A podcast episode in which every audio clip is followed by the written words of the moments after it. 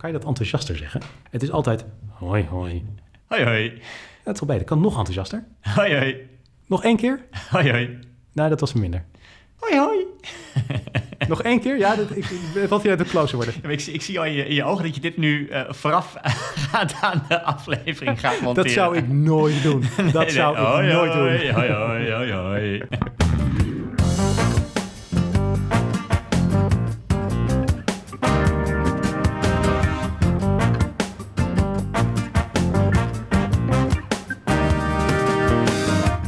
De Communicado's aflevering nummer 44. We hebben weer een leuke show voor je voorbereid. In deze aflevering gaan we het hebben over minister Van der Wal. Zij maakte het deze week heel persoonlijk. Is dat goed of niet? Dan spijt. Het is de meest onbegrepen emotie, maar wat is het eigenlijk en wat kunnen we ervan leren? En wat is de echte reden dat we in Nederland zoveel ongekwalificeerde coaches hebben? Vergeet je niet te abonneren en te recenseren als je het een leuke podcast vindt, want dat stellen we enorm op prijs. Maar Lars, laten we even beginnen bij een controversiële tweet Ja. van het AD vorige week. Ik eh, lees even de tweet voor. Wat stond er bij het AD? Tampons en maandverbanden zullen in Schotland vanaf maandag gratis beschikbaar zijn voor alle mensen die menstrueren. En vervolgens ontplofte het online. Ja, wat er toen gebeurde zul je niet Ja. geloven. Ja. Ik verwonderde me daarover. Want eh, tegenwoordig is mensen die menstrueren, dat is echt een rode lap op een stier. We hebben Ja. eerder in een podcast eh, hebben we ook al benoemd hoe, dat, hoe die discussie in Amerika speelt. Daar kunnen we wel naar verwijzen. Maar wat mij vooral zo verwonderde is hoe onnodig het eigenlijk was. Want laten we even kijken wat er precies aan de hand is. Ja, want even de controverse. Hè. Mensen die menstrueren, heel veel mensen zijn daar boos over, want die zeggen van het, gaat, het zijn vrouwen die menstrueren. Het hebben van een baarmoeder, dat is wel een teken van het feit dat je een vrouw bent. Dus Ja. als je dat actief aan het vermijden bent, dan, ja, dan ga je mee in dat woke idee dat gender niet meer bestaat tegenwoordig. Of, of als je dat eh, fanatieker wil verwoorden, dan zeg je vrouwen worden weggegumpt. Ja. Zo, zo zag ik dat eh, op, eh, op Twitter verschijnen. En wat voor mij het opmerkelijk was, dat het bericht eigenlijk helemaal niet zo controversieel had hoeven te zijn. Want eh, wat, wat is aan de hand? Eh, vanaf deze week is Schotland het eerste land in de wereld waar menstruatieproducten gratis worden aangeboden. En dat kan bijvoorbeeld in een bibliotheek, in een gemeentehuis. Daar kun je gratis menstruatieproducten afhalen. En de reden, geeft Schotland aan, is menstruatiearmoede. Dus mensen die te weinig verdienen, te weinig geld hebben om zich dat te kunnen veroorloven. Worden ook scheermesjes voor mannen gratis aangeboden of is Ja, dat laat- niet het geval? Nee, maar laten, laten, we even, laten we die discussie even ook niet zo flauw proberen te voeren. En ook condooms worden niet aangeboden. Allemaal onvergelijkbaar, Victor. Kan ik uitleggen, maar laten we de discussie serieus houden. Ik eh, heb een gevoelige snaar geraakt. Ja, dus laten we even kijken hoe en wat. Want wat, mij, wat ik opmerkelijk vond, is als ik, ik pakte eh, vervolgens een, een bericht in NRC Handelsblad eh, erbij. En hoe werd het daar gezegd? Er werd gewoon gezegd, in Schotland zijn menstruatieproducten vanaf vandaag bij wet gratis. En voor wie? Voor iedereen die het zich niet kan veroorloven. Ja. Nou, ik dacht, dat is nou een manier om het niet controversieel neer te zetten. Ook Dus, bij de ja. NOS werd het op een vergelijkbare manier eh, gezet. Eh, Het wordt gratis aangeboden voor iedereen die ze nodig heeft. Ook op- die manier krijg je he- helemaal geen discussie over mensen die menstrueren. Ja. Je gebruikt gewoon taal die laat zien waar het om gaat, zonder dat je bepaalde termen gebruikt die volgens mij onnodige controverse oproepen. Ik wil zeggen, volgens mij de term mensen die menstrueren helemaal niet nodig hier. Dat is volgens mij ook het probleem wat mensen met deze tweet en het eh, artikel waar het ook in staat trouwens van het AD hadden. Het lijkt alsof er een soort van eh, geforceerd dit erin is, is gefietst. Ja, en, en ik denk dat dat ja, eh, ook de zaak niet helpt. Nee. Hè, want ik, ik zie eigenlijk eh, vooral op de sociale media zie ik heel veel conflictjes ontstaan over dingen waarvan ik denk van kom op mensen, ga je daar nou niet over opwinden. En dat, dat, dat vertaalt zich dan weer naar de media. Dat om de zoveel tijd is er dan weer continu ophef en, en, en zo. En ik denk hier van, ik, ik wil best geloven dat het AD geprobeerd heeft om het zo goed mogelijk neer te zetten. Mhm. Maar juist door dat te proberen hebben ze eigenlijk gewoon controversiële termen in het Ja. bericht, in de tweet al gestopt. Waarvan ik denk, het was helemaal niet nodig geweest. En daardoor krijg je op een gegeven moment een discussie die totaal afleidt van de kern. Ja. Eh, er ging alleen maar over die drie woorden, werd er op een gegeven moment eh, gereageerd, werd er een discussie over gevoerd. Dat leidde weer direct tot, Ja. eh, tot ophef. Terwijl dat zo onnodig was geweest als je gewoon taal gebruikt die wel correct is, maar niet onnodig controversieel. Ja, dat denk ik ook. Ik denk dat er hier ehm, een verklaring voor zou kunnen zijn dat een redacteur eh, die dat uh, bericht en die tweet geschreven heeft, zich ofwel niet bewust was van de controverse. Dat zou natuurlijk kunnen, dat je dat per ongeluk hebt gebruikt. Het kan ook zijn dat iemand gewoon in een bepaalde bubbel uh, zit waar het heel gebruikelijk is om de term mensen die menstrueren te gebruiken. Bij AD denk ik niet hoor. Nou ja, een redacteur die, die kan natuurlijk gewoon in de Randstad ja. wonen en veel vrienden hebben die in de Randstad wonen. dat, maar ik denk dat het AD niet blij is met de controverse, want ik denk dat zij hier niet op zitten te hmm. wachten. Want het AD wordt vooral gelezen op het platteland. Dus in dat opzicht denk ik dat het niet verstandig is om dit ja. aan te zwengelen. Maar ik probeer even te duiden van wat zou de reden kunnen zijn dat ze dat erin hebben gezet. Ja, en ik denk ook dat, dat in die zin dit een les bevat voor ook juist mensen die proberen zich inzetten voor inclusie dat heel vaak zie ik dat er een hele grote nadruk is op bepaalde termen die moet je gebruiken. En uh, er is een discussie geweest in Maastricht op de universiteit, geloof ik, inderdaad op bepaalde termen gebruikt moesten worden. Dat er heel erg werd aangedrongen door activisten van ja. praat eens over mensen die menstrueren of zwangere mensen. werd zelfs bedreigd daardoor dat ze vrouwen uh, die, die menstrueerden gebruikten. En er was echt een activistische groep die, die, die letterlijk met, met fysiek geweld aan het bedreigen was. Dus dat is heel hoog opgelopen. En, en ik denk van, uh, dat, is zo, dat werkt zo averechts. Terwijl ik denk dat deze week lieten RTL Nieuws, uh, NOS, uh, NRC lieten zien hoe je een goed artikel schrijft ja. dat inclusief is. Ja. Zonder dat je onnodige controverse oproept. Ja, dat denk ik ook inderdaad. Ja, ja nou ja, dat is op zich uh, mooi. De polarisatie hoeft niet onnodig aangezwengeld te worden. En ik denk dat andere media hebben laten zien hoe ze dat kunnen doen, inderdaad. Ja. Um, iets waar ik afgelopen week over viel. Er was een kleine crisis in het kabinet minister en CDA-partijleider Wopke Hoekstra... die heeft in een interview gezegd dat het halen van de stikstofdoelen niet meer heilig is. Nee. Uh, dat druist natuurlijk in tegen het kabinetsbeleid... en dat is dus een opmerking die niet heel goed viel in de coalitie. Wat een natte dwel. Nou ja, wat een flapdrol is die. Is ik wil het eigenlijk vooral hebben over de, de reactie, die, want die viel mij echt op hier, van de verantwoordelijke minister. Dus dat is uh, uh, minister Van der Wal, Christiane Van der Wal. Ja. Ik, ze reageerde op een opmerkelijke manier. Ik heb niet veel politici op deze manier zien reageren op zo'n uitspraak uh, waar ze het niet mee eens is. Ik zal hem even voorlezen. Dit is wat ze zegt. Uh, ze zei dit uh, overigens tegen verschillende journalisten, dus door verschillende media opgetekend. ze zegt: Ik heb eerlijk tegen Hoekstra gezegd wat het met me doet als mens. Het raakt je als je je zo inzet voor een dossier en dan zo'n interview leest. Je hoopt natuurlijk op steun vanuit het team.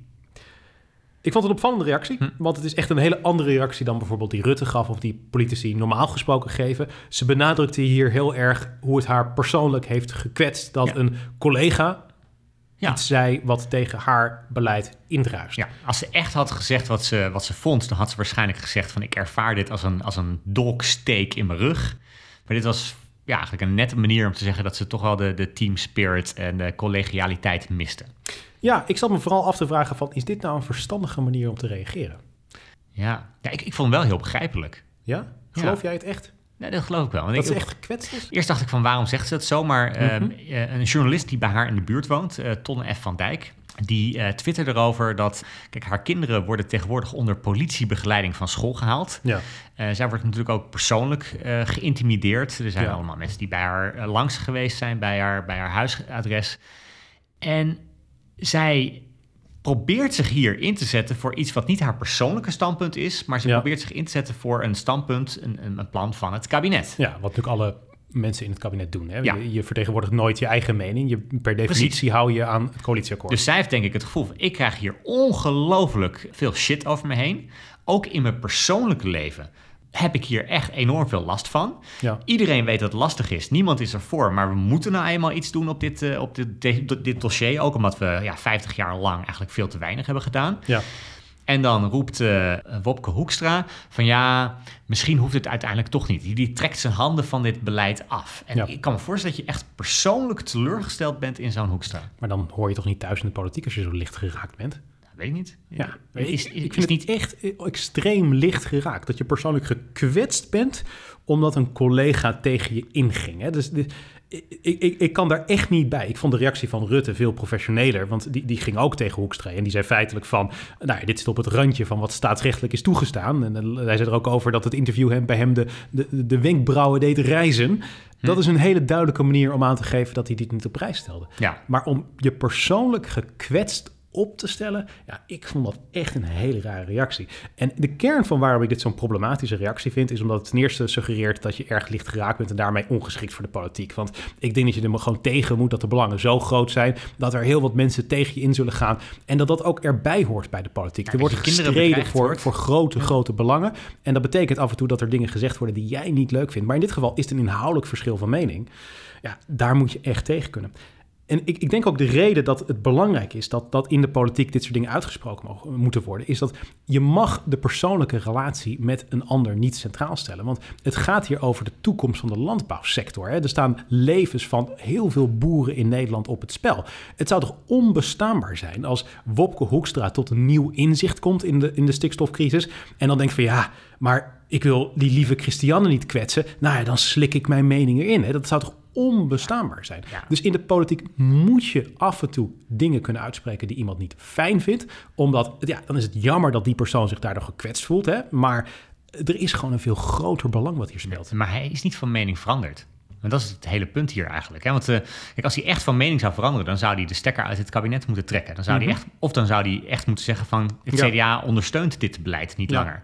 Maar in plaats daarvan komt hij met een soort van stunt. Ja. Om aan de ene kant richting uh, zijn weglopende achterban uh, te signaleren van... kijk eens, uh, dit beleid is er niet omdat het CDA het zo graag wil... maar het is de schuld van D66 of de VVD of het is de schuld van de ChristenUnie. En tegelijkertijd ja, steunt hij het wel. Hè? Hij, hij, hij, is, dus ik, ik vind het vooral een, maar ik vind, een, een laffe stunt. Ik, ik, ik wilde, wat, wat Hoekstra gedaan heeft, ik zou het ook niet heel, heel slim uh, neerzetten. Ik denk dat hij hier eigenlijk meer schade door heeft geleden dan wat dan ook. Maar dan ga je hem toch gewoon aanvallen op de inhoud. Dat hij iets heeft gedaan wat uiteindelijk staatsrechtelijk gezien niet verstandig is. Dat is een professionele reactie. Zeggen van, ik ben gekwetst. Het komt behalve licht geraakt ook over als, nou ja, wat ik dan maar even noem, de feminisering van de samenleving. Het feit dat op het moment dat we elkaar kwetsen, dat het hoogste doel is altijd om dat te vermijden. In de politiek worden ego's gekwetst accepteer dat maar. En als je dat niet accepteert, dan moet je niet in die arena gaan meespelen. Dan hoor je daar gewoon simpelweg niet thuis. Dus ik vind de reactie van Christiane van der Wal, ik vind het gewoon buitengewoon onprofessioneel. En ik zou er echt voor willen pleiten, laat de politiek soms ook hard zijn. Hè? Want er zijn grote belangen op het spel. Mensen willen weten dat er voor hun belang gevochten wordt. En nogmaals, of Hoekstra dat op de juiste manier heeft gedaan, ik denk het niet. Maar ik vind dat je het spel hard moet kunnen spelen. Ik vind ook dat je Christiane van der Wal moet kunnen kwetsen door het inhoudelijk met haar oneens te zijn. Want daarmee heeft de achterban van Hoekstra, of in ieder geval mensen die het niet met Christiane van der Wal eens zijn, het idee dat er voor hun belangen worden gevochten. En dat is wat wel echt noodzakelijk is. Maar jij zegt steeds dat zij gekwetst is. Kijk, zij heeft helemaal niet gezegd ik ben gekwetst. Ze heeft alleen gezegd van het doet me wat als persoon. En eigenlijk is dat hetzelfde nou, wat... Haar exacte quote is het raakt ja. als je je zo inzet voor een dossier en dan zo'n interview leest. Dus dat, dat, dat interpreteer ik als gekwetst. Maar als je zegt het raakt je, dan, dan suggereert dat emotie. Ja, maar ik moest denken, hoe, hoe anders is het wat uh, Jan Paternotte dan de volgende dag twitterde? Want uh, op een gegeven moment kwam er ook een nieuw filmpje online van uh, Mark van der Oever van de Farmers Defence Force. Die ja, victorie kraaide en zei van, zie je wel, dit is waar onze acties toe kunnen leiden. En die claimde al de overwinning. En toen zei hij, Paternotte en Cheer te groot. Nou gaan jullie door de knietjes. Ja.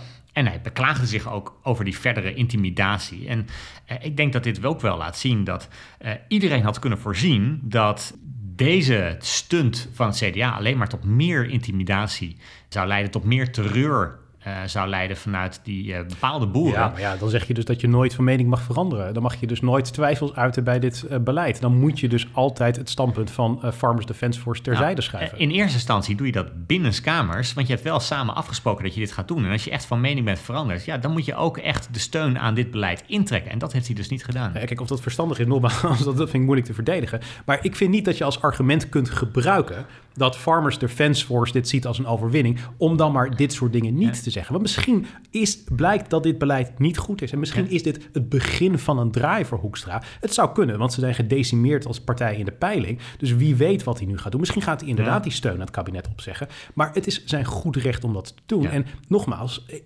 Farmers Defence Force heeft hier niet zoveel mee te maken. Weet je waar ik heel bang voor ben? Nee. Want wij, wij zijn nu als communicado's zijn we gewoon uh, één zinnetje heel lang en breed aan het Nou, analyseren. Nou, drie zinnen hoor, ja, dus ja, wel, drie uh, zinnen. En, kijk, het grootste probleem in uh, Den Haag is volgens mij dat, dat, dat, dat er niet meer authentiek wordt gesproken en dat mensen alleen maar voorbereide statements van communicatiemensen aan het Ja, voorlezen dat het niet zijn. voorbereid is. Ja, ik, ik, ik vrees toch wel dat, dat juist het, het inzoomen op één zo'n zinnetje en zeggen dat het schandalig is en de feminisering van de, van de politiek is en zo, dat dat ertoe leidt dat ze denkt van nou, weet je wat, volgende keer ga ik weer een statement van mijn woordvoerder voorlezen. Nou, ik denk eerlijk gezegd dat dit uh, bedacht is. Ik denk dat dit soort uitspraken niet uh, spontaan gedaan zijn. Dus ik, ik denk dat het in die zin een communicatieblunder is. Maar het probleem is, ik vind dat je bij communicatie wel degelijk mag kijken van wat zit erachter. En dit, als, dit, als zij dit echt meet, dan is zij niet geschikt voor de politiek. Dan moet zij niet in die arena opereren. En daarom vind ik het onprofessioneel. Je mag zeggen wat het met jou doet als minister. Wat het met jou als mens doet, het interesseert me geen reet. Ik denk dat het heel makkelijk is om zonder kinderen die elke dag bedreigd worden en met de politie van school opgehaald worden, Nee, nu te zeggen dat zij het niet persoonlijk moet maken. Nee, dat vind ik wel terecht. die bedreiging kan je niet steeds uh, gebruiken om dan te zeggen van dan mag je niet tegen Ja, haar het is, nee, maar het maakt er niet voor uit. haar de dagelijkse realiteit. Dat zal al, maar voor Geert Wilders ook, Lars. En ook Geert Wilders bekritiseren we. En ook Geert Wilders kriti- bekritiseren we echt ontzettend hard. Hè, er is geen eh, regel, geschreven of ongeschreven, dat je bedreigde politici niet meer eh, mag bekritiseren. En nogmaals, als je ze inhoudelijk niet meer mag afvallen. Ja, wat mag dan nog wel, jongens? Wat is dan nog wel? Dit, dit kan echt niet. Ja. Maar goed. Jij zou haar in ieder geval aanbevelen om het volgende keer anders te verwoorden. En gewoon een Rutte-zinnetje te pakken. Nou ja, een Rutte-zinnetje te pakken. eh, reageer gewoon als minister en niet als mens. Want het interesseert me eigenlijk niet zoveel hoe jij als mens eh, hierover denkt. Eh, maar goed. Nou, Ja. goed. Misschien heeft ze er later spijt van. En dat is een mooie introductie voor het volgende blokje. Yes.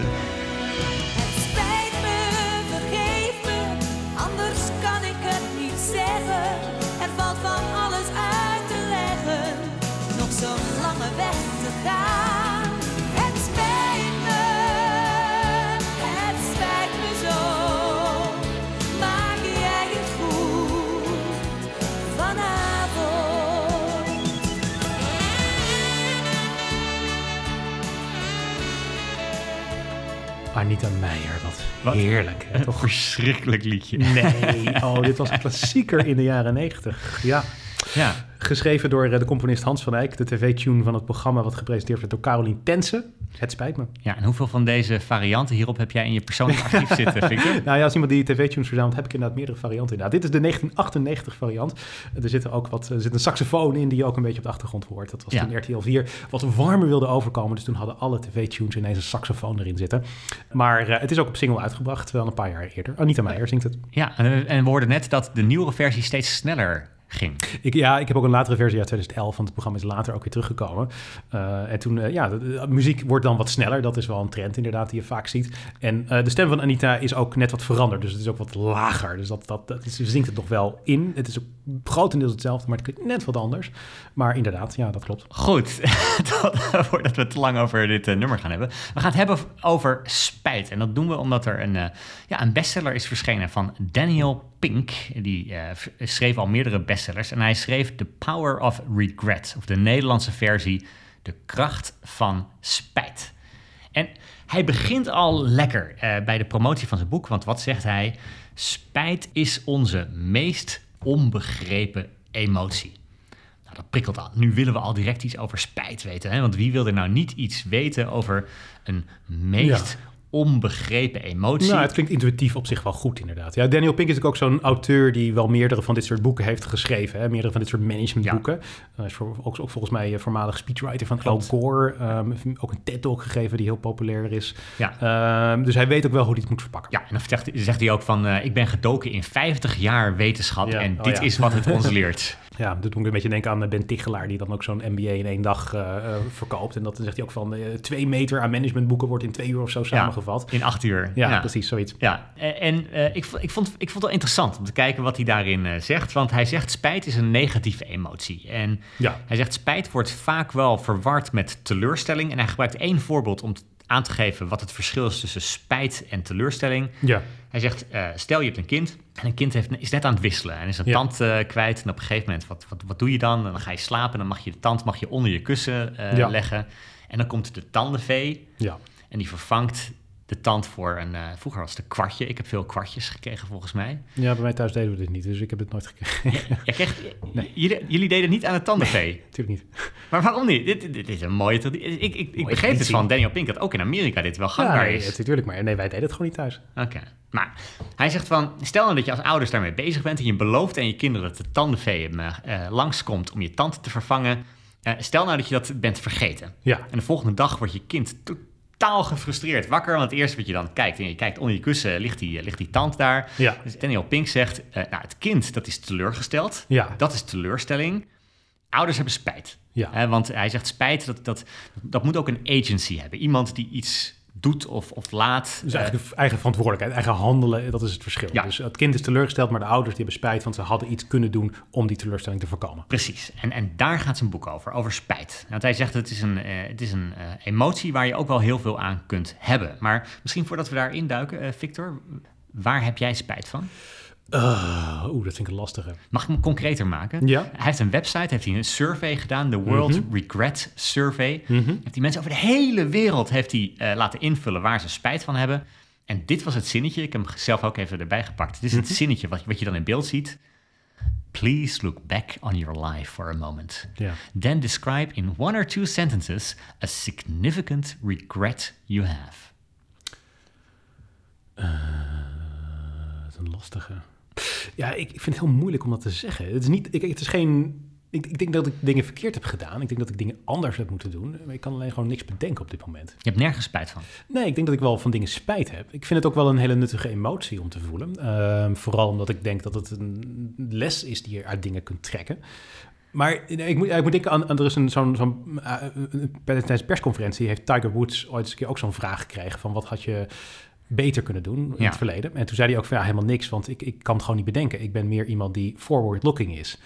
En ik, Maar, maar hij had zijn vrouw in elkaar getimmerd. nou, dat, dat is daarvoor. voor- ik weet niet wat hij gedaan heeft precies, maar hij had in ieder geval meerdere schandalen inderdaad. Dit, dit was daar lang daarvoor, al jaren geleden, dat hij dat een keer heeft gezegd. Maar het, het idee dat je niet te veel bezig bent met ehm, je eigen eh, miskleunen uit het Ja. verleden.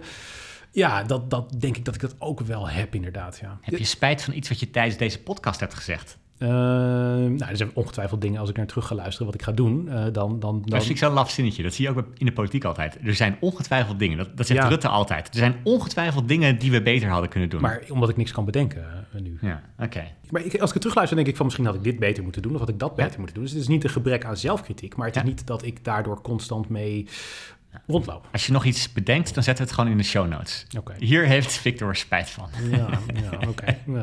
Maar, eh, eh, eh, Daniel, maar heb jij ergens spijt van? Want het Ja, straks mij horen. onder het... ja, onder gaan we straks horen. Ja, maar dit, dat is wel het voordeel van, een, van zelf een blokje aandragen... dat ik jou gewoon onder de bus kan gooien. Ja, precies. Ja. ja. Maar Daniel Pink die, eh, die zegt van... eh, je, hebt, je hebt in Amerika heb je eigenlijk twee stromingen waar hij het mee oneens is. Hè. Je, je, je hebt sommige mensen die zeggen van... I have no regrets. Hè. Dus alles is goed. Je, je hoeft ook nergens spijt van te hebben... want het is zoals het is. ja. Eh, nou, daar zegt hij van... dat is echt heel slecht, want dan leer je er ook niks van. Dan Ja. heb je mensen die heel erg geconsumeerd worden... door één ding waar ze spijt van hebben. Ja. Waarbij een hele leven in het teken staat van die ene spijt. Hij zegt, dat is ook niet productief, zegt hij. Maar je zegt spijt kun je Ja. beter omarmen. Want als je probeert wel te analyseren waar je concreet spijt van hebt... dan kun je betere besluiten nemen, beter onderhandelen... strategisch Precies. denken, problemen oplossen. Spijt is goed. Hij zegt Ik, ik zelfs... had bij, dat, bij, dat, wat- bij wat je net zei, heb ik een voorbeeld. Dat ik zat eh gisteravond, ik zit natuurlijk nu heel goed in de shownieuws en al dat soort dingen. Ja? Ik zag de vader van een bekende zanger, Mart Hoogkamer, eh, i- i- i- i- op televisie daar. En wat mij opviel is dat eh, hij had vroeger zelf een carrière. Dus Mart Hoogkamer is nu een bekende zanger, heeft een hit gehad met zwemmen in Bacardi Lemon. Mhm. Heel bekend, ken je ongetwijfeld niet, maar Nee. heel bekend nummer, groot artiest. En zijn vader was vroeger een kinderster. En heeft dus als 8, 9-jarige heel veel hitjes gehad. Ja. Die carrière is in slop geraakt. En hij was op televisie omdat hij echt spijt had van het feit dat hij zijn carrière heeft verkwanseld. Dus hij, hij zei letterlijk van ik, ik was meer geïnteresseerd in uitgaan dan in optreden. En dat is iets wat hem 40 jaar later dus nog steeds enorm bezighoudt. Dat Ja. hij denkt van mijn leven had anders kunnen zijn als ik toen maar iets En nu gaat hij alsnog was. optreden. Ja, en nu gaat dat is Oh, inderdaad nee. waarom hij het zei. Want hij wil nu inderdaad alsnog die carrière opbouwen. Nu, nu zijn zoon als het ware heel populair is. Maar hij, hij is ook alcoholist, dus hij heeft heel veel problemen gehad in zijn leven ook. Maar ik kan me zo voorstellen, het kwam op mij over op basis van dat, die korte zinsneden die we daar zagen in dat interview. Hmm. Als iemand wiens hele leven beheerst wordt door een fout die hij heeft gemaakt 40 jaar geleden. En dat is volgens mij een voorbeeld van spijt die echt heel erg ja. contraproductief is. Ja. Of zegt eh, Daniel Pink, die, die, die provoceert een beetje in zijn stuk. Er zijn eigenlijk drie typen mensen die geen spijt hebben. Ja, Eh, vijfjarigen, ja, mensen met hersenschade ja. En psychopaten. en psychopaten. Ja, nee, Ja. absoluut. Zeker. Nee, dat, dat is absoluut waar. Dat, Maar goed, hij, hij, hij zegt, eh, er zijn vier basistypen, daar kwam je achter van spijt die je overal ziet. Ja. In alle landen, maar ook in alle omgevingen. Dus spijt die je zowel ziet binnen relaties, binnen de werkomgeving. eh, spijt die heel veel voorkomt. En het leek me aardig om door die type spijt te gaan en te kijken wat we daarmee eh, kunnen. Ja, Dat begint met één, is toch, toch weer een lijstje. Mhm. Een genummerde lijst dat zelfs. mag deze keer. Dat mag? Nee. Oké.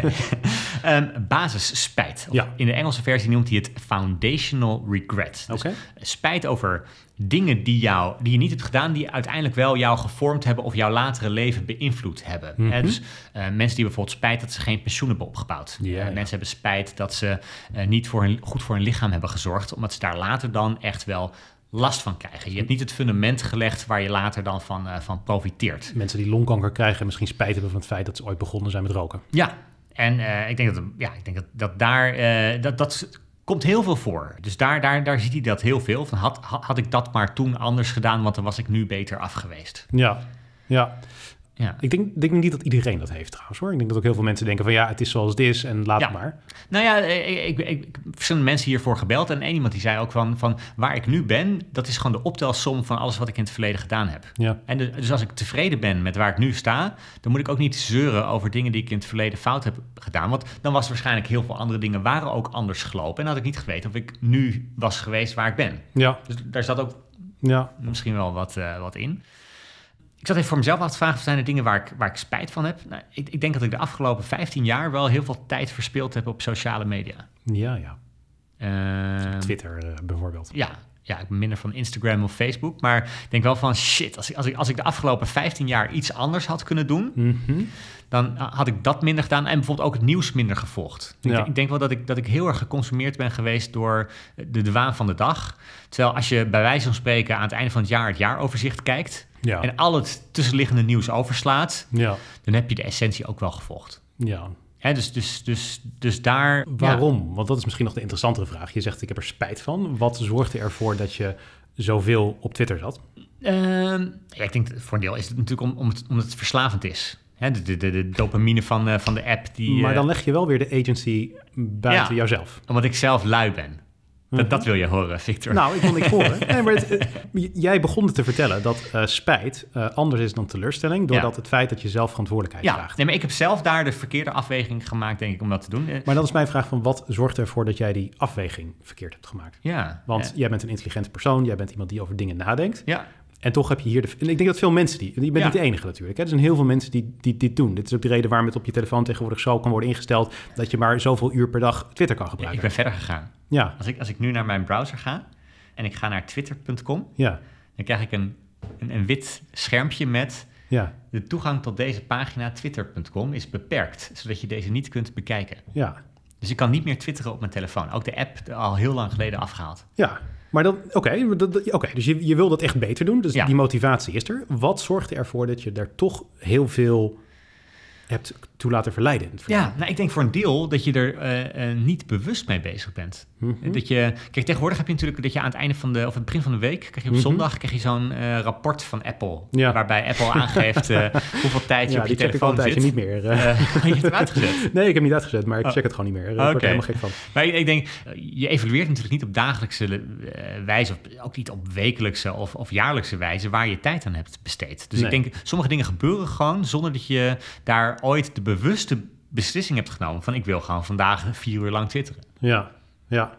Ja, nee, dat zou kunnen. Ik denk, dat het zeker waar is. Maar dan zou je ook een, de les die er dan uit kan trekken is van... ik ben onvoldoende eh, bewust bezig geweest met eh, het kiezen van de dingen die ik doe. Ja, Ik wil dat bewuster doen en dus ga ik dat in, het, in de toekomst doen. Ja. Maar dan is de oplossing niet alleen maar Twitter blokkeren op je Nee. telefoon. Dan is ook gewoon beter nadenken over de dingen die je belangrijk vindt. ja. Eh, prioriteiten stellen en vervolgens je tijd indelen op basis van die prioriteiten. Ja. Dat is dan de oplossing. En, en regelmatig evalueren van waar besteed ik mijn tijd aan. En is dat de manier waarop ik denk dat het slim is om je tijd te besteden? Ja. Ja. Maar dat, dat gaat verder dan alleen maar zeggen van... ik had dit Ja. niet moeten doen. Eens. Hè, dus daar, dat zegt Daniel Pink ook. Van, je moet eigenlijk heel goed in kaart brengen wat die, wat die spijt is. En vervolgens kun je juist kun je er wat van leren. Omdat eigenlijk wat je wel wil doen is het, eh, het, het fotografisch negatief noemt hij van de dingen waar je spijt van hebt. Ja. Want als je weet waar je spijt van hebt en, Ja. en die analyseert, dan kan je ook heel goed bepalen wat je juist wel wil doen. Ja, precies. Ja. Ja. Nummer twee, Maar dit was dus basisspijt inderdaad. De tweede is? Risicospijt. Oké. Eh, had ik maar. Eh, was ik maar een bedrijf gestart, had ik die persoon maar uitgevraagd op een date. Ja. Spijt over kansen die je niet hebt gepakt, omdat je Mhm. in plaats daarvan op safe hebt gespeeld. Ja.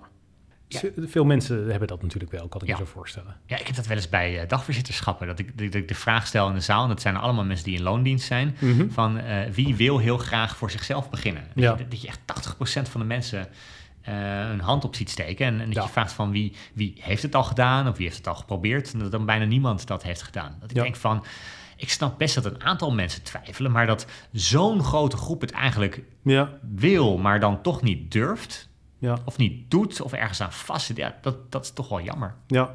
Ja. Ik herken het wel, want ik denk ook veel publieke optredens. De leukste opmerkingen, de meest gevatte reacties, de grappigste opmerkingen, die bedenk je eigenlijk altijd achteraf. Maar er zijn ook van die momenten dat je denkt van, eigenlijk had ik hem toen al, Ja. maar wist ik niet helemaal zeker of ik hem moest maken. En dan denk je het ach- achteraf, had ik maar die opmerking toch gemaakt. Ja. Dat je, dat, je, ja, dat, je, dat je op safe hebt gespeeld. Ja, ik denk dat je als, je als je veel in de media uitgenodigd wil worden, dan, dan moet je die filter weghalen. Ja, zeker. Ja. En accepteren dat je dus soms uit de bocht vliegt, want dat is dus ook de consequentie daarvan. Maar die twee die gaan dus ook gewoon samen. Ja. ja. Dus ik zat hem zelf even af te vragen van, heb ik ergens spijt van? Ik heb de afgelopen, nou ja, 15 jaar Mhm. wel heel vaak ideeën gehad om, om dingen op te starten. Ja. Eh, bedrijven op te starten, eh, apps eh, op te starten, apps Ja. te, te laten maken. En ik heb het nooit gedaan. Nee. En dan denk ik achteraf van, dus wat ben je toch een, een lafaard, Lars? Van, van, Ja? ha- had, dat, had dat wel gedaan? Ook, ook had het misschien niet gewerkt, misschien had het toch wel tot iets geleid. Ja. Ja, misschien één voorbeeldje. Mhm. Eh, tien jaar geleden moet het ongeveer geweest zijn dat ik een idee had voor een app. Mhm. Look Who's Talking. Je had er een naam voor zelfs al? Dat, ja, precies. Dat is, dat is een beetje te lang voor, eh, voor een app misschien. Maar dat je, dat je je telefoon op tafel legt tijdens Ja. een eh, gesprek bijvoorbeeld. En dat die telefoon eh, herkent wie aan het woord is. Ja. En dat je na afloop van het gesprek een rapportje krijgt van... afgelopen uur was Victor 35 minuten aan het praten en, en, en, en Lars 25. Ja.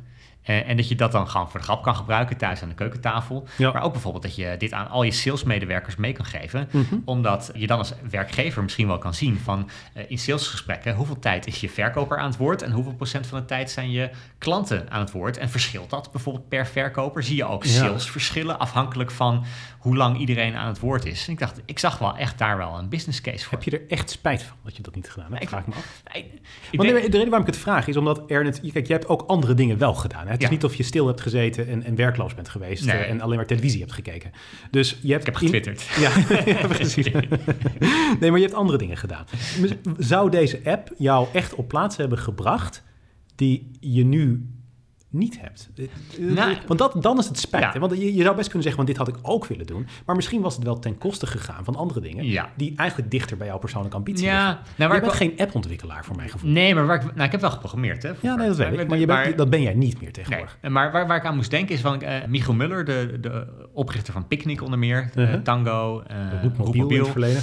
Eh, die heeft ooit een, eh, een, een, presentatie gegeven en, er- en, en zelfs een boek geschreven uiteindelijk over, eh, hij noemt het ondernemen is een ABC'tje. Mhm. En hij zegt dan van als je, als je bij A staat, dan moet je soms als je een idee hebt, moet je het gewoon doen, kom je bij B. Ja. En pas als je bij B bent, dan ga je ook Ja, ja. kansen zien om bij C te komen, waar je nooit geweest was als je niet eerst de stap naar B had Dus gezet. jij had dit willen doen, omdat het je misschien op plaatsen had gebracht die je niet had kunnen voorzien Ja. van tevoren. En het gaat dus niet zozeer om deze app dan, maar ik, ik denk wel dat het misschien andere dingen in gang had gezet, waardoor ik wel veel meer dingen ja, Maar had is kunnen dan, doen. is dan is dus eigenlijk waar de echte spijt zit, is niet zozeer dat je deze specifieke app niet Nee. hebt, maar dat je niet Dat soort vaak dingen. genoeg dit soort extra dingen ernaast hebt gedaan, die losstaan van je dagelijkse werk. Precies, ja. Als, als, als mensen nog steeds denken van het is een goed idee en je kan programmeren, stuur me een mailtje. Jat het idee niet. Hè. Dat is, is natuurlijk wel gedeeld in deze podcast met als idee dat je niet nu zelf het idee gaat eh, Oké, het is hierbij geclaimd inderdaad. Ja. Ja. Maar oké, risicospijt was dat. Dit Ja. was dus de tweede. Drie, morele spijt. Mhm. Ehm, en dat zijn dingen die, ehm, waar je bijvoorbeeld iets hebt gedaan, of je soms juist iets niet hebt gedaan, niet, niet je uit hebt gesproken tegen iets bijvoorbeeld, Ja. waarbij je eh, later berouw krijgt over de foute ethische keuze die je hebt genomen. Dus de- Ja, ja. ha- had je maar iemand niet gepest, was Ja. ik maar niet vreemd gegaan tijdens een relatie. Eh, dat is de morele spijt die, die mensen heel vaak aangeven van ja, daar heb ik later echt wel eh, ja, spijt van. Ja. En hebben mensen dan spijt van het feit dat daardoor misschien een relatie kapot is gegaan? Of hebben ze spijt van het feit dat ze echt iets verkeerd hebben gedaan? Dat ze het echt verkeerd vinden dat ze bijvoorbeeld vreemd zijn gegaan? Ja, ja ik, ik, hoop, ik hoop van het tweede. Mhm. Want als je spijt hebt vanwege de gevolgen, dan heb je eigenlijk volgens mij nog niet echt morele spijt. Maar dan Nee, heb je gewoon je spijt, spijt van dat iemand van- erachter is ja, gekomen. Ja, dus ik, ik, ik, ik, ik hoop wel dat mensen echt spijt hebben van het gedrag zelf. Ja, oké. Heb jij een voorbeeld hiervan? Ja, ik, ik, ben niet, eh, eh, ik, ben, ik ben niet vreemd gegaan. Eh, Nee. Maar... Oh, er moet geen maar achter. Eh, maar nee, maar ik heb wel... Nee, nee, nee. Ik ben niet vreemd gegaan. Punt. Oké. Eh, pauze. Volgende zin. De vriendin luistert mee. Hè? Ja. Dat is wel even belangrijk inderdaad. Ja. Punt. Ik heb, ik heb eh, op, op de middelbare school heb ik, ook, heb ik ook wel iemand gepest. Uh-huh. Waarvan ik achteraf dacht van... eh, had, ik, had ik gewoon niet moeten doen. Het, het, het, het, Ja? het, is niet, het is niet goed om te doen. En ik weet ook niet of iemand daar later last van heeft gekregen. Ik Wat heb je precies gedaan? Kan je daarover Ja, uitweiden? ik- ik- precies, weet je, weet je het niet. Maar het, zijn vaak kleine dingen. Bij, bij, bij het gimmen, in, het, eh, in, in de gang van bij de lokalen en zo. Mhm. Maar zou, ja, hm, oké. Maar, ik, oké, maar ik, ik, mijn eerste reactie zou dan ook zijn van, heeft iedereen dat niet gedaan op die leeftijd ook wel? ja, dat vind ik geen, vind ik geen excuus. Nee? Ik, ik vind namelijk best dat je achteraf spijt kunt hebben van het feit dat je het hebt gedaan. Eh, omdat dat misschien je bijvoorbeeld wel helpt als je zelf dan kinderen krijgt om hen Ja. voor die fout te behoeden. Je zou ook kunnen zeggen, pesten is soms iets wat een sociale functie heeft. Hè. Dat is voor een deel waar natuurlijk. Het helpt ook wel mensen socialiseren. Je kan er natuurlijk te ver in gaan, hè, dat is duidelijk. Maar eh, een klein beetje pest, een keer een opmerking maken naar iemand is niet per se... Maar dat vind ik plagen. Pesten vind ik wel echt dat je, dat je soms ook met een, eh, met, met een groep of elke dag weer Hmm. eh, iemand een slecht gevoel Ja. geeft over iets. Oké. Ja, maar goed, daar heb jij dus uiteindelijk Ja. spijt van. Jij Ja. zegt van, ik had dat niet moeten Had doen niet moeten jegens die persoon. Heeft hij een naam? Eh, Kunnen we nog eh, excuses aanbieden hier? Of, Ja, ik, eh, ik ga, nee, maar dat vind ik lullig, want dan wordt, wordt dat weer... maar ik, ik weet nog wel wat zijn naam is. Oké. Ja. Heb je hem wel eens gegoogeld? Misschien is hij wel heel succesvol tegenwoordig. Oh, je bent gewoon niet gestopt met het pesten. Ik ben, ik ben nee, ik ben zijn Dit is achternaam. best wel lullig, Nee, ik weet zijn achternaam niet. Oh, oké. Dat ben ik vergeten, dus ik heb dat niet gedaan. Ja. Ik zag hij op een gegeven moment, eh, toen hij ging studeren op naschool, dat hij ineens eh, allemaal blauw haar had en andere dingen waarvan ik dacht van, ik hoop niet dat het pesten daartoe... eh, Op Amerikaanse scholen krijg je altijd jaarboeken. Dat is een traditie die we niet zo hebben in Nederland. Maar dat betekent dat je de voornaam en achternaam weet van iedereen die bij je in de klas heeft gezeten. Hm. Van alle jaren. Het is wel grappig, want je kunt dan die mensen ook gaan googlen om te kijken waar ze terecht zijn gekomen. Het is echt vaak verbijsterend. dat heb jij gedaan, want jij hebt natuurlijk in Amerika op school gezeten. Ja, dus ik heb al je kan gewoon, je, je- vrouwen zijn iets moeilijk omdat soms een achternaam zijn veranderd. Maar van de meeste mannen kan je inderdaad zien waar ze terecht eh, zijn gekomen. Ja, dat is altijd wel fascinerend om te zien. Je ziet, je verwacht het totaal niet. En sommige mensen die komen veel beter uiteindelijk terecht dan andere mensen. Ja? En andere mensen denken, oh, wat is daar nou mee gebeurd? Ja. Ja. ja. Goed, punt 4. Verbindingsspijt. En dat, Mhm. dat is, eh, heeft meer met contact en relaties te maken. Dat je spijt hebt over het laten verwateren van een relatie. ja. Dat je, dat je ja, of misschien net iemand die, eh, die jou probeerde te bellen, de telefoon niet opnam, opnam Ja. die blijkt dan even later te over- overleden te zijn. Of daar hebben ontzettend veel mensen spijt van. Van, van, Ja. van relaties, contact, dat ze, ja, zeggen Ja. dat ook vaak. Hè? Hetgene wat mensen het meeste, waar ze het meeste spijt van hebben terwijl ze op sterven liggen, is het feit dat ze niet meer tijd hebben doorgebracht met vrienden en familie. ja, ja. En daarvan zegt Daniel Pink ook zelf, van dat is, dat is iets wat eigenlijk het makkelijkst Ja. eh, te, te fixen is. En het viel hem op hoe vaak het voorkomt. En hij haalt in ieder geval die les voor zichzelf uit het boek van hij wil echt mensen met wie het contact verwaterd is opbellen. Ja, ja. Oké. Ja, dat is wel een goede les. Ja, ik denk Ja. dat dat een hele goede les is inderdaad. Ja. Ja. Misschien de laatste les die ik ook wel uit het boek haalde is... Mhm. eh, Daniel Pink zegt dat heel veel mensen eh, bang zijn om te delen waar ze spijt van hebben. ja. Ze zijn er bang voor, omdat ja, je voelt jezelf misschien al snel minder goed als je over iets negatiefs gaat praten. Je bent eh, eh, bang voor gezichtsverlies misschien ook wel, als je vertelt over iets waar je spijt van hebt. Maar Pink die zegt eigenlijk dat het tegenovergestelde vaak waar is. Dat je voelt je en zelf beter door iets met een vriend bijvoorbeeld eh, te bespreken. ja. En de ander krijgt juist vaak meer waardering voor je. Iets, iets wat daarmee te maken heeft. Ik, ik heb deze week een paar mensen gewoon gevraagd van waar heb je spijt van? Ook vrienden die ik al 25 jaar ken. ja. En ik kreeg ontzettend interessante antwoorden van, van dingen die ik helemaal niet wist. Dus Nee. het, is, het is in die zin ook wel een, Ja. een interessante vraag om mensen in je omgeving eens voor te leggen. Van waar heb je nou echt spijt van? Heb je spijt van iets wat je mij ooit hebt aangedaan? Nee. Oké, wat is dit nou? Kom op. Ja, maar jij, jij, jij verdient ook gewoon soms een, een, oh, een lullige nou, uithaal. Ik, ik vind dat je hier je excuses voor moet aanbieden. Eh, maar goed. Oké, Nee, goed. totaal niet. Maar Nee. interessant boek in ieder geval. Daniel Ja. Pink is dus eh, de schrijver. Het is ook in eh, Nederland uit. Hoe heet het, eh, zei je? Eh, De, de kracht van spijt. Oké, de kracht van spijt. Ehm, iets heel anders. Het, eh, de afgelopen jaren is het aantal coaches dat wij in Nederland hebben echt heel sterk gestegen. Hier is ook in andere media al flink over geschreven. Eh, de cijfers heb ik er even bij gepakt. Het is echt meer dan een verdubbeling. En dan hebben we het over mensen die vitaliteitscoach zijn en eh life coach zijn, burn-out coach zijn, hardloopcoach, communicatiecoach. Dat zie je daar ook eh, voorbij komen. Maar eh, de cijfers van eh, RTL Z heeft het allemaal even uitgezocht. Eh, als je gaat kijken, die zijn echt best wel shocking. Want in 2013 stonden er 44.000 coaches ingeschreven bij de Kamer van Koophandel. En eind 2021 waren dat er bijna 100.000. Nou, dat is dus een hele grote stijging. We hebben te maken met meer dan een verdubbeling. En ja, er is al, wat ik zei, het een en ander over geschreven. Hè? Want het is best wel gek dat we zoveel coaches hebben... terwijl op heel veel andere vlakken we een personeelstekort hebben.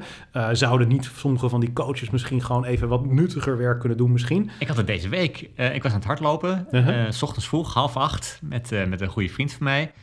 En nou ja, na het hardlopen gingen we naar een tentje in, bij het Oosterpark in Amsterdam... en we wilden een cappuccino halen. Ja. Het was helemaal dicht binnen, maar je kon wel afhalen. Dus wij vroegen Hans eh, van, hé, hey, waarom ben je alleen naar afhaalzaak geworden? Want het is echt een hele grote, groot restaurant daar. Ja. Ze kunnen geen medewerkers vinden. Ja, Je betaalt wel 8 euro voor twee cappuccino's in Amsterdam. ja dat is Amsterdam voor je. Eh, maar ze konden geen medewerkers vragen. Dus Nee. ze zijn helemaal gesloten gewoon als, eh, als café. Ja, nou, dat geeft aan, er is echt een enorme personeelstekort. Eh, Daarom is het extra gek eigenlijk dat we zoveel coaches hebben. Ehm, wat ook vaak gezegd wordt bij die coaches is dat kwaliteit te wensen overlaat. Het is natuurlijk een onbeschermd beroep, dus iedereen kan zich life coach of weet ik veel wat voor coach noemen. Eh, daar heb je niet per se een diploma voor nodig. Ja, en dat betekent dus dat sommige mensen het gewoon volstrekt niet zo goed kunnen. Dat is natuurlijk heel goed mogelijk. Maar ik wil vooral eens even achter, zitten, eh, achter kijken naar wat hier de echte reden is dat er zoveel coaches zijn bijgekomen. Hè? Want eh, hoe kan dat nou, dat we met meer dan een verdubbeling te maken hebben? Wat zegt dat over de samenleving dat we zoveel van dit soort mensen hebben? En vooropgesteld, ik denk niet dat al deze mensen nou zeg maar verzuipen in het werk. Ik denk dat het misschien Ja. voor sommige mensen misschien best wel vechten is om een inkomen bij elkaar eh, te schrapen. Maar ik denk wel dat er redenen zijn waarom dit meer in trek is dan in de jaren daarvoor. Hm. Twee verklaringen heb ik eigenlijk. Oké. Eerste Ja, verkla- je, gaat ze nummeren weer. Ja. nou, dit zijn gewoon twee verklaringen. Die kan je ja. Eh, twee verklaringen. De eerste is dat, eh, wat ik opvallend vond om te zien, is dat we tegenwoordig minder vrienden hebben. En mijn these is dat voor een deel mensen coaches inhuren voor dingen die ze vroeger deden met vrienden. Het vult het gat wat vroeger werd gevuld door vrienden. En even om deze argumentatie gewoon eh, zorgvuldig op te bouwen. De vraag is van, hebben we echt minder vrienden tegenwoordig? Hè? Dat, Ja. dat kan je jezelf daar echt stellen. Nou, het, het- het lijkt inderdaad het geval te zijn. Het is moeilijk om dat goed te onderzoeken, maar er wordt al jaren geschreven over een eenzaamheidsepidemie. Ook al voor corona werd er over gesproken. En vorig jaar is er een groot Amerikaans onderzoek gepubliceerd door de Survey Center on American Life. Dat is een onpartijdig onderzoeksinstituut wat al jaren kijkt naar hoeveel vrienden we hebben. En eh, vorig jaar concludeerde zij dat 49% van de Amerikanen minder dan drie close friends heeft. Dus dat is eigenlijk te weinig. Dus de helft van de Amerikanen heeft eigenlijk te weinig vrienden. Wat hebben we? Want drie is het minimum wat je moet hebben? Ja, of, eh? vaak wordt er gezegd dat drie tot vijf vrienden, dat is vaak eh, ideaal, zeg maar. Eh, en dat, dat, dat zou je, daar zou je eigenlijk wel naar moeten streven. Heb, jij, heb, heb jij hoeveel close friends zou jij hebben? ik, ik zit tussen de drie en de vijf. Ik zit even kijken. Ja, ja vier goede vrienden. Nou, ik zou op drie zitten, denk ik. Maar, ja. maar goed, inderdaad dat. In 1990 was dat nog maar een kwart van de samenleving. Dus het is verdubbeld. Hè? Het aantal mensen met eigenlijk te weinig vrienden is verdubbeld in 30 jaar tijd. Dus dat is een indicatie dat we misschien minder vrienden hebben tegenwoordig. Ja. Ondanks dat we meer met elkaar verbonden zijn via het internet, sociale media. Dus dat is eigenlijk best wel opmerkelijk. En ik denk dus voor een deel dat we zoveel coaches hebben, omdat we tegenwoordig ook gewoon dus daar op zoek naar zijn, naar de dingen die normaal gesproken vrienden bieden. Dus wat biedt een coach? Nou, voor een deel is dat motivatie misschien. Het is iemand Hm. die je motiveert om bepaalde dingen te doen. Ik moet bijvoorbeeld denken aan, als ik in de sportschool ben, dan zie ik daar altijd van die personal trainers allerlei mensen helpen. Het valt me altijd op dat ze relatief weinig instructie aan het geven zijn. Dat zou je verwachten van Ze een staan erbij. trainer. Ja, dat, eh, ze staan erbij en ze doen verder eigenlijk niet Dat je met een telefoon aan het spelen terwijl nou, iemand zich... eh, dat niet, dat niet. Nee, ze kijken meestal wel een beetje toe. Maar kijk, ik zou bijvoorbeeld me kunnen voorstellen dat je een personal trainer inhuurt omdat je bepaalde oefeningen beter wil leren. Of dat je wil Ja. kijken van doe ik dit goed? Doe ik dit op een veilige manier? Doe ik het op de meest effectieve manier bijvoorbeeld? Ik kan me ook voorstellen dat je een personal trainer inhuurt omdat hij een bepaald programma voor je samenstelt. Hè, dat wat, wat aansluit op jou. Dat kan ik me allemaal voorstellen. Maar ik heb het idee dat heel veel mensen een personal trainer inhuren omdat ze eigenlijk gewoon een reden nodig hebben om naar de sportschool te gaan. En dus dat, dat ze gewoon niet afzeggen als ze een personal trainer hebben ingehuurd. Ja. En dat- je ja. eigenlijk natuurlijk met een vriend naar de sportschool zou willen Precies. gaan. Dat is, dat is in ieder geval gratis, dus dat is daar een Ja. groot voordeel van. Maar ik denk, vroeger waren misschien mensen met z'n tweeën naar de sportschool gegaan. En eh, ja, dan, dan heb je ook een reden om niet af te zeggen. Die, die vriend met wie je naar de sportschool gaat, is een reden om je aan die afspraak te houden. Ja, maar dat hoeft ook niet een van die vijf vrienden te zijn, toch? Want ik, ik, ik heb ook eh, Nee. eh, eh, vaak hardloopvrienden Zeker, gehad. ja. Dat, dat waren niet altijd mijn beste vrienden, maar die zorgen wel dat je samen gaat hardlopen. Ja, nee, en ik had het net inderdaad over close friends, dus echt die goede vrienden inderdaad. Maar dat is vooral een indicatie om aan te geven dat het aantal vrienden dat we hebben echt inderdaad is afgenomen. Ja. Want zij zeggen bijvoorbeeld ook dat minder goede, minder close friends ook is afgenomen. En niet alleen dat, het is ook zo dat we gewoon minder contact opnemen met onze vrienden bijvoorbeeld. Hm. Dus ook we zijn minder afhankelijk van hun steun voor dingen. Ja. Dus ook in dat opzicht is, is zelfs de kwaliteit van de vriendschap eh, iets gedegradeerd. Dus in heel veel opzichten eh, zeggen zij eh, hebben minder vrienden. Ja, ik kan me ook voorstellen dat bijvoorbeeld een van de dingen waarvan ik bijvoorbeeld ook bij mijn medewerkers zie dat ze daar soms mee worstelen is waar werk je? Ja, En vroeger was het veel gangbaarder om tien jaar bij dezelfde werkgever te werken. Ik Ja. zie nu dat van de jongere werknemers, nou, als die twee jaar ergens werken, dan willen ze toch wel even door. Als, Ja. je, als je geluk hebt, kan je het als werkgever redden tot drie of vier. Maar eh, het is heel lastig om iemand eh, tien jaar bij je te laten, laten werken. ja. Dat betekent dat er heel veel momenten zijn dat je eigenlijk behoefte hebt aan contact met iemand. Van wat is de juiste stap? Welke, welke vervolgstap zou logisch zijn? Zou jij, wat zou jij zeggen? Moet ik hier blijven werken of juist niet? ja. En dat dat misschien juist inderdaad die momenten zijn dat je gaat sparren nou, met, een- met, met een coach van eh, eh, wat is een goede stap voor mij, ja. et cetera. Ja, maar dat soort dingen zou je ook natuurlijk met vrienden kunnen doen. Ja, En dat is een beetje het punt. Want volgens mij, wat een coach doet, die motiveert je, eh, die praat met je, die luistert naar je, die geeft je misschien advies. Eh, het is iemand die je misschien stimuleert om, om goede dingen te doen. Hè? Ja. Dus niet alleen op werkvlak, maar ook misschien om wat af te vallen of, of, of wat jij ook nodig hebt. Maar zeker dat soort, dat soort life coaches die een beetje een ongedefinieerd terrein hebben. Volgens mij is dat gewoon een opvulling van vriendschap. En ik denk dat er wel goede redenen zijn om een coach in te huren. Want als Ja. je bijvoorbeeld gespecialiseerde kennis nodig hebt, dan is een coach ideaal. Een burn-out coach is misschien beter in staat om jou te helpen om over die burn-out heen te komen dan iemand die daar geen kennis van ja, heeft. sterker nog, die geeft misschien eh, allemaal adviezen die averechts werken. Ja, precies. Van weet je wat, Ja. Eh, als je burn-out hebt, moet je gewoon 's ochtends vroeg de wekker zetten. En lekker, lekker vroeg eh, allemaal dingen doen. Ja, ja, precies. Dus ik, ik, ik begrijp dat er op zich dat er een hele logische reden is om een coach in te huren. Ja. En ik denk ook dat soms een coach die kan ook jou zonder oordeel benaderen. Terwijl vrienden die kennen je al een tijdje, die kijken misschien met, met een bepaalde blik naar jou. En misschien is dat niet altijd even behulpzaam bij het Nee. oplossen. Dus ook daar kan ik echt een reden inzien om een extern persoon in te huren. Ik denk alleen dat dat vaak niet het geval is. En als het ter opvulling is van een ander gat in je leven, Ja. dan denk ik dat een coach niet de ideale manier is. Want het is natuurlijk wel vrij duur en het is ook vrij tijdelijk. Hm. Want ja, zo, zo iemand gaat je niet verder ondersteunen na het eindigen van die relatie als coach. Ja, ik vind het een aannemelijk argument. Dan heb ik een tweede reden. Dat is ook een, nou mooi, eh, fijn. eh, Je reageert niet echt heel enthousiast op nee, deze ja, fijn. positieve ja, nee, bevestiging. Ja, nee, mooi. Ik ben heel Ja. blij. Dankjewel, dankjewel. Ik, ik vind het een mooi moment. Zo voldoende gekoesterd. Ja. Kunnen we door naar reden 2? Dan kom je nu met een slechte argument. Nee, helemaal niet. Dat volgens mij niet tenminste. Nee, ik denk dat het tweede aspect, het tweede gat wat coaching eh, biedt voor heel veel mensen, is dat eh, het spiritualiteit is zonder God.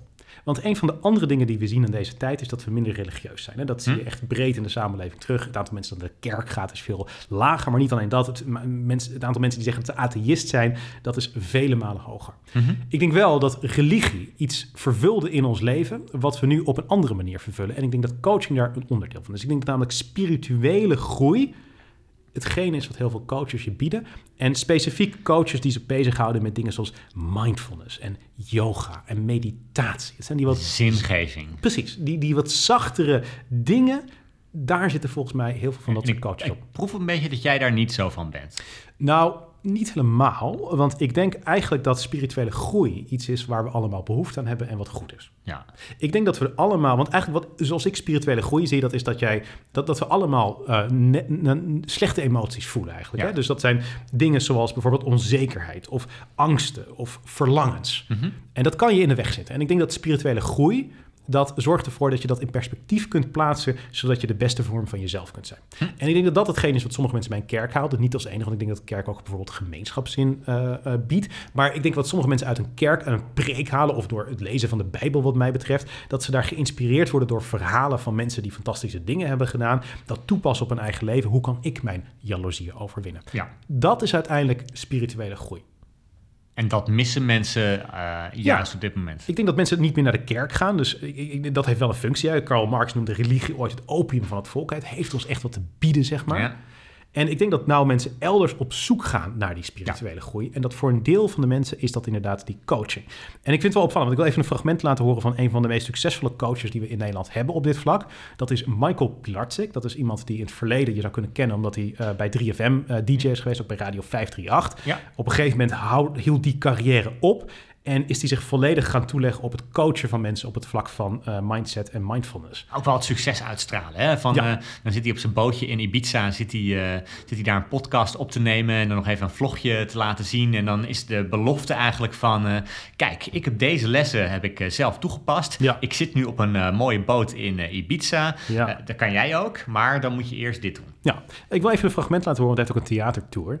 En dit is de trailer daarvoor die hij op zijn YouTube-kanaal online heeft gezet. Ik wil even, een klein fragmentje heb ik er even uitgehaald. Voor mij is dit fragment eigenlijk gewoon een soort van dominee, een predikant eigenlijk, die voor eh, de kerk staat, alleen dan in de moderne tijd. Eh, laten we even luisteren naar Michael Pilarczyk. We zijn zo bang om dood te gaan dat we niet meer in staat zijn om te leven. Op een dag is er geen tijd meer om al die dingen te doen waar je altijd van droomde. Om die woordjes te zeggen die je nog had willen uitspreken. Dus wacht niet. Leef je leven op basis van je eigen regels. Geniet van je tijd hier. Leef in het licht van je eigen leven. Leef vanuit vertrouwen. Leef vanuit liefde. Maar leef vooral je mooiste leven. Ja. La. Ik vind het ook, ja. echt kippenvel van. ik, ik vind dit ook verschrikkelijk. Ja, op een negatieve manier. Ja, nee, het is niet... Nee, ik, precies Ja. hetzelfde. Ik, ik heb ook een hele sterke aversie hier tegen. Het, Ja. het, het past ook een beetje in een soort van motivational speakers... die je ook wel meerdere me- mensen Ja. van hebt. Hij heeft wel een goede stem trouwens. Hij heeft een hele goede stem, zeker. Ja. Ja. Maar ja, ik- dit is voor mij spirituele groei. Dit, dit is Ja. wat, wat vroeger mensen in de kerk ook te horen kregen. Ja, ik had wel het gevoel van hij is natuurlijk zo'n motivational speaker, maar ik, ik vond het slaapverwekkend, weet je wel. Steeds langzamer spreken. Ja. En dan zo'n piano-deuntje op de achtergrond. Ja, ja, dit is de trailer. Ja, dit- als je meer van dat soort... Ik zat even eh, ter voorbereiding op dit wat meer van die dingen te kijken. Hij heeft ook wat grapjes erin zitten. Hij houdt het wel leuk, onderhoudend heb ik het eh, idee. Maar ja, ik, ik denk als je naar een grote Amerikaanse megachurch gaat... Ja, daar zitten ook van die hele goede sprekers. Ik denk eerlijk gezegd dat je vergelijkbare dingen daar hoort. ja. Alleen heb je daar meer het halleluja-gevoel misschien. Ja. Ja. maar ook dat, zelfs dat vind ik een beetje in dat, dat, dat, dat, dat die laatste zin die tot applaus leidt in die Hm. trailer. Ook dat, dat, dat vind ik ook bijna dat je met z'n allen gaat applaudisseren Ja. voor de opmerking die die Tony. Robbins-achtig. Ja. ja. maar als jij een communicatietraining geeft, dan gebeurt het niet zo heel vaak dat mensen in applaus uitbarsten tijdens de training, toch? Nee, dat ik een mooie one-liner heb. En, ja, dat, eh, precies. Ja. en ook jij kan een goede spreker zijn. Applaus. ja. ja. Nee, dus dit, dit is bijna kerkelijk, eh, inderdaad. Dus ik, ik denk dat spirituele groei is een gat waar wij allemaal eh, behoefte aan hebben. We- we- dat moet gevuld worden. En ik denk tegenwoordig dat we dat in heel veel van dit soort ja, mind, mindset en mindfulness coaches zoeken. Hm. Dus dat dat de reden is waarom daar zoveel mensen eh, zijn. En ik moet je heel eerlijk zeggen, ik denk eigenlijk dat we niet beter af zijn doordat we het op deze manier vullen. Ik denk eigenlijk dat ehm, de- misschien ook wel deze, deze, deze hoeveelheid coaches ook een soort van decadentie is. Een excess van deze tijd. Die eigenlijk aangeeft dat we met z'n allen gewoon niet zo verschrikkelijk goed bezig zijn. Hm. Ehm, eh, ik denk dat, dat, dat het veel beter is om deze gaten op een andere manier op te vullen. Ik denk eigenlijk misschien is wel het feit dat als je een life coach denkt nodig te hebben, dan heb je gewoon de verkeerde levensstijl. Dan moet je je leven gewoon fundamenteel anders inrichten. Je, je kan zo eh, coach worden, Victor.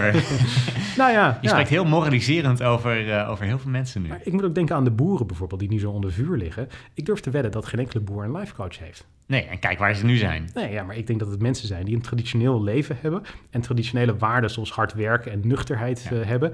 En ja, dat zijn toch de waarden die er volgens mij voor zorgen dat je gewoon in de kern gelukkiger bent. En dus geen behoefte hebt aan Ja, dit soort groep die, die niet, eh, of, of voor, ja, een belangrijk gedeelte niet om kan gaan met verandering. Eh, en nou, daar heb, je, daar heb je coaches voor. Nee, maar ik bedoel zeggen, van volgens mij traditionele waarden helpen je wel om gelukkiger te zijn. En ik denk dat, dat, dat iets meer van dat Ja. in de Randstad ervoor zou zorgen dat er minder van dit soort coaches nodig zijn. Dus jij gaat morgen naar de kerk.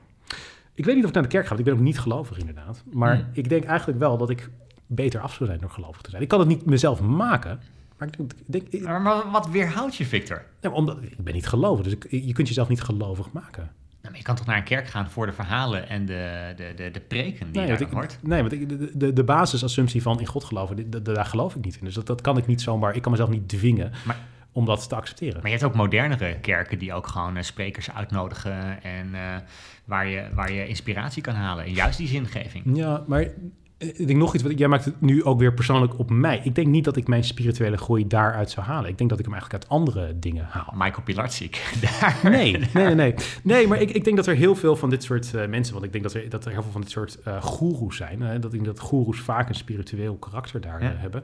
En dat die voor heel veel mensen inderdaad die spirituele groei. En dat kan natuurlijk anders zijn, maar ik denk dat bijvoorbeeld, je had het eerder eh, over eh, Daniel Pink. Ik denk dat zo iemand voor sommige mensen ook spirituele Ja, groei kan zijn. Ik, ik, ik heb wel een andere reden waar, die misschien een rol kan spelen. Mhm.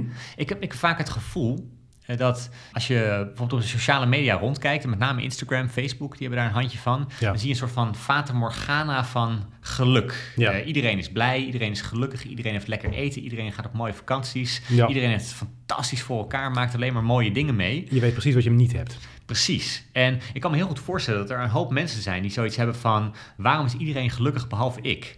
En wat doe je dan? Ja, dan ga, je dat niet bespreken met iemand die elke week op Instagram laat zien hoe gelukkig die is.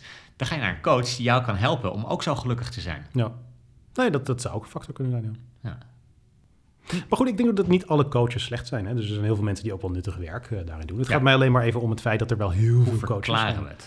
Ja, en misschien zijn er ook wel iets te veel. Hè? Misschien, zijn, misschien vult het gaten op die het niet nou, goed op zou moeten vullen. Ik Dat zou in ieder geval aanmoedigen dat ik gewoon weer naar een restaurant kan zonder dat ik buiten moet gaan zitten om een cappuccino van de 8 euro eh, voor twee. Ja, dus eh, sommige coaches, als je niet voldoende werk hebt, ga dan inderdaad Ga bij het werken. koffiewinkeltje werken bij Lars om de Hoek.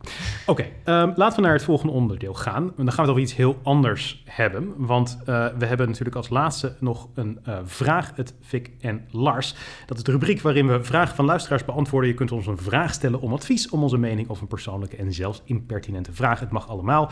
Het e-mailadres is vraaghetfikenlars.gmail.com. Je mag daar je vraag naartoe sturen. Deze week hebben we een vraag over zaken doen met Dubai. Ik zal hem even voorlezen. Hi Victor en Lars. Allereerst grote complimenten voor jullie podcast. Ik luister sinds de eerste aflevering met erg veel plezier naar jullie gediscussieer. Meestal tijdens mijn wekelijkse wandeling. Leuk. Mijn vraag gaat over een discussie binnen het bedrijf waarvoor ik werk, nog een jong technisch bedrijfje in Rotterdam.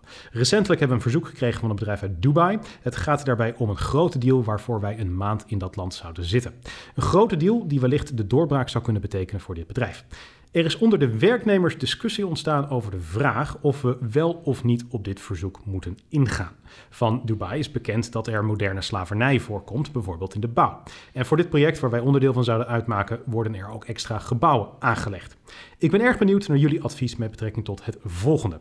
Kun je als bedrijf nog klussen aannemen in dit soort landen? Wat zijn de PR-risico's voor een klein bedrijfje als dat van ons? En zo ja, wat zouden jullie ons als communicatieadvies geven mochten we met deze opdrachtgever in zee gaan? Leuke Groetjes, Dave. Ja. ja zeker. Ja, nee, om, om te beginnen goed dat die discussie onder medewerkers wordt gevoerd. Want ik, ik denk dat eh, het heel belangrijk is als organisatie om eh, die, mede, die medewerkers erbij te betrekken, die discussie ook te voeren. Ik heb, een keer een, een debat geleid zelf bij een IT-bedrijf dat hack-software maakt. Hè? Dus eh, software om, eh, om organisaties, individuen te hacken. Het was ook de vraag van, er was een aanvraag gekomen voor een bepaald land van, moeten we daar onze software aan eh, geven? En dat mocht wel, eh sanctietechnisch en zo, maar toch voelde niet iedereen zich er lekker bij. En ik denk dat het heel belangrijk was dat die discussie onder medewerkers gevoerd wordt. Want je hebt ook, denk ik, als organisatie kun je beter zelf die discussie faciliteren dan dat mensen bij de koffieautomaat allemaal discussies voeren, allemaal eh, dingen bespreken die je als directie uiteindelijk niet weet. Dus Maar de vraag die is- discussie wordt gevoerd. Wat zijn de PR-risico's? En moet hij met zijn bedrijf dit doen? Ja, ik denk eerlijk gezegd dat die heel beperkt zijn. Ik denk niet dat iemand zal zeggen van... hé, je gaat naar Dubai voor een maand. Wat, wat ben jij een wanstaltig bedrijf. Nee, ik, ik heb er ook een heel duidelijk antwoord op. Wat mij betreft is het eh, heel erg helder. Eh, dit kun je gewoon doen. En eh, mijn reden is heel simpel. Eh, Dubai en de Verenigde Arabische Emiraten in het algemeen staat niet op de sanctielijst van de Nederlandse overheid of de Europese Unie. En eh, ik denk dat je daar aan moet houden dat dat soort dingen leidend moeten zijn. En je kunt altijd rechtvaardigen eh, dat je daar volledig aan de wet houdt. Eh, zelfs als er mensen zijn die, die daar kritiek op zouden kunnen hebben, om wat voor reden dan ook. Dus ik denk dat PR-technisch gezien eh, er geen problemen gaan komen. Maar zelfs als ze komen, kun je je makkelijk verantwoorden. Dus ik zou zeggen, ik zou het zeker doen. Dat vind ik wel een heel laf criterium hoor. Dus, dus alles wat niet verboden is, dat mag. Ehm, niet in het algemeen. Dat, dat is een veralgemenisering, maar niet hetgeen wat ik... in- Tenminste, in het algemeen ben ik het daar niet mee eens. Nee? Want ik denk dat je een, eh, een plicht hebt om je moreel op te stellen. En dat Ja. is niet altijd vastgelegd in de wet. Maar eh, ik heb het hier over het communicatieve aspect hiervan. Eh, ik vind dat je makkelijk jezelf kunt verdedigen door te zeggen van... als iemand het hier niet mee eens is, ja, we houden ons aan alle wet en regelgeving. Ik vind dat een legitieme verdediging. Ja. Ik zou het veel sterker vinden als je het kunt rechtvaardigen waarom je het doet. Ehm, en niet alleen zegt van, we kunnen er geld mee verdienen. Maar dat is tot de reden dat je daar zaken doet. Nou, weet ik niet. Ik, ik denk dat het ook interessant kan zijn om eh, juist daar naartoe te gaan... om ook te kijken of je daarvan kunt leren... van hoe eh, dingen daar worden aangepakt. eh, mensen te ontmoeten die andere ideeën hebben. Ik denk dat het juist als een, een, een kleiner IT-bedrijf... het ook gewoon eh, heel waardevol kan zijn... om in andere culturen te kijken hoe je dingen voor elkaar krijgt. Waarbij voor mij het belangrijkste criterium zou zijn... is wat, wat doe je precies daar? Hè? Ja, als jij de vraag even, waarom ga je dan naar Dubai? Hè? Waarom ga je niet naar een ander land waar misschien minder problemen zijn? Ja, ja, omdat je geen aanvraag hebt gekregen uit eh, andere landen. Nee, ja, maar goed. Maar als je dan toch die kans krijgt om daar in een andere cultuur op, op een project samen te werken. Nee, PR-technisch gezien zou ik dat heel zwak vinden, want je maakt jezelf alleen maar kwetsbaar. Dit is een makkelijk aanvalbaar argument. Hè? Dus dit, dit, dit riekt naar opportunisme. Ja. Nee, kijk, ik zou het gewoon heel simpelweg verdedigen. Wij houden ons aan alle wet en regelgeving. Punt. En eventueel, als mensen moeilijk doen, zeg je van ja, McDonald's en H&M, dat is trouwens waar, dat heb ik even opgezocht, die zitten ook in Dubai. En ja, het zou natuurlijk wel heel gek zijn dat als je als klein bedrijf dat niet gaat doen, terwijl alle grote spelers er wel zitten. Ja, ik zou zeggen dat is een goede verdediging. Het McDonald's-argument.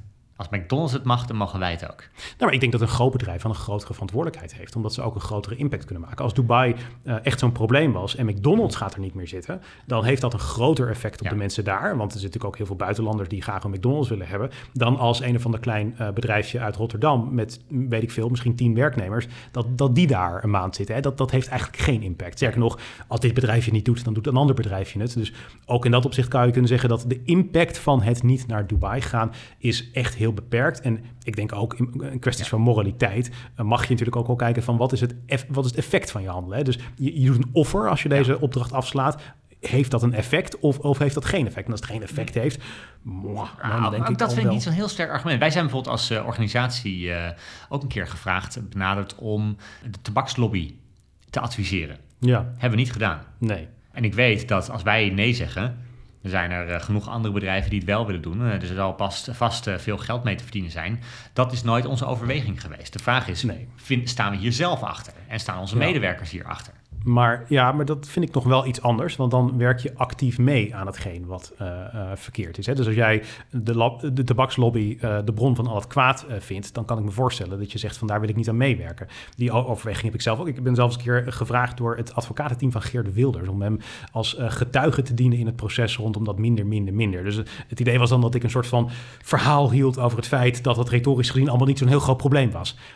Had ik niet zoveel zin in. Een claptrap. Ja, nee, ja, precies. Maar ik, ik, had, ik, ik had niet zoveel zin om daar... eh, en ik vond niet per se dat hij daarvoor veroordeeld moest worden... maar ik had ook niet heel veel zin om me nou in dat kamp te gaan scharen daar... en om die rol op me te gaan nemen. Dus ik vind dat een legitieme overweging. Maar het bedrijfje, zoals dat hier in deze vraag geschetst wordt... eh, is niet actief aan het meewerken aan de, aan de slavernij. In- Ja. in, want ze, Maar ze, sto- maken het niet mogelijk. Ze, ze accepteren alleen dat ze zaken doen met een land... waar dat soort dingen gebeuren. En dat vind ik dus wat Ja. anders. Maar toch even, stond je er niet achter als persoon of was je ook bang voor de PR-schade? Van daar in dat, eh, in dat bankje zitten. Ehm, nou, de PR-schade niet eens zo vreselijk. Nou, kijk, het- waar het meer om mij te doen was op dat moment, is dat ik eh, in een moeras werd getrokken waar ik inderdaad niet mee wil getrokken. Dus dat is een stukje inderdaad de PR-schade, ja. ja.